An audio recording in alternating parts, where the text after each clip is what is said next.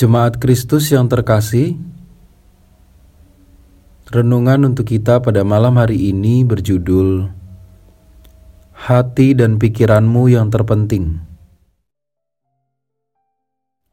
Dan bacaan kita diambil dari kitab 1 Samuel pasal 16 ayat 7 kemudian dilanjut ayat 10 hingga ayat 13.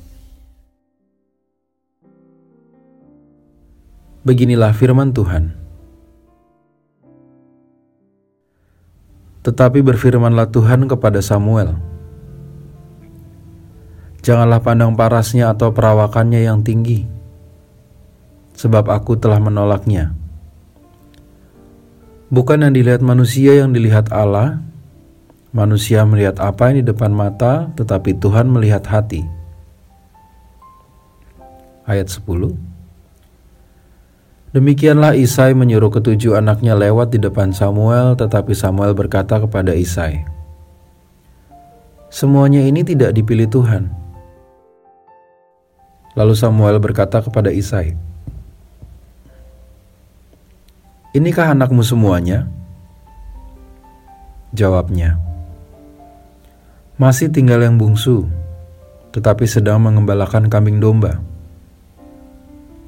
Kata Samuel kepada Isai. Suruhlah memanggil dia, sebab kita tidak akan duduk makan sebelum ia datang kemari. Kemudian disuruhnyalah menjemput dia. Ia kemerah-merahan, matanya indah dan parasnya elok. Lalu Tuhan berfirman, Bangkitlah, urapilah dia, sebab inilah dia. Samuel mengambil tabung tanduk yang berisi minyak itu dan mengurapi Daud di tengah-tengah saudara-saudaranya. Sejak hari itu dan seterusnya berkuasalah roh Tuhan atas Daud, lalu berangkatlah Samuel menuju Roma.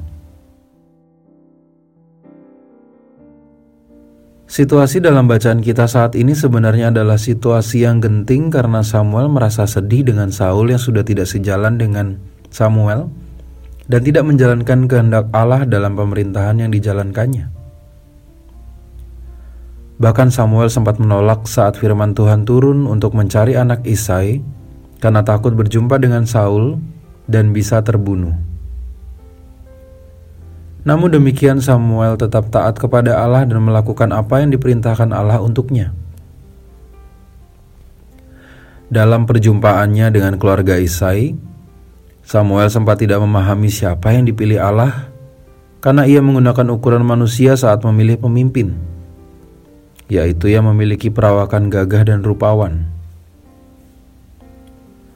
Namun Allah menunjukkan hal lain. Dalam ayat 7 Allah menegaskan bahwa ia melihat hati manusia, bukan melihat apa yang tampak di depan mata. Dari kisah ini kita dapat belajar bahwa siapa pun dapat dipilih Allah asal ia memiliki hati yang bersih dan memiliki kehidupan yang benar. Dan ini juga berlaku bagi kita. Tetaplah hidup benar dan jangan rendah diri saat kita tidak memiliki sesuatu yang bisa dibanggakan untuk ukuran dunia. Pun bila kita telah memiliki kesempatan untuk memimpin atau melayani, tetaplah memiliki hati yang benar. Jangan sampai kita tergelincir seperti Saul. Mungkin kita bisa menyembunyikan kesalahan kita dari orang di sekitar kita. Tetapi ingatlah bahwa kita tidak akan pernah bisa menyembunyikan sesuatu di hadapan Allah. Ia mengenal betul siapa diri kita dan tahu isi hati kita. Milikilah hati yang bersih Bila nanti Allah sedang mencari seseorang untuk mengerjakan tugas pelayanan, maka kita akan dapat ikut dalam karya keselamatan yang dikerjakan Allah untuk dunia. Demikianlah renungan kita pada malam hari ini. Semoga damai sejahtera dari Tuhan Yesus Kristus tetap memenuhi hati dan pikiran kita. Amin. Jemaat Tuhan yang terkasih, mari kita bersama-sama bersatu hati menaikkan pokok-pokok doa yang ada dalam gerakan doa 21 GKI Sarwa Indah. Mari kita berdoa.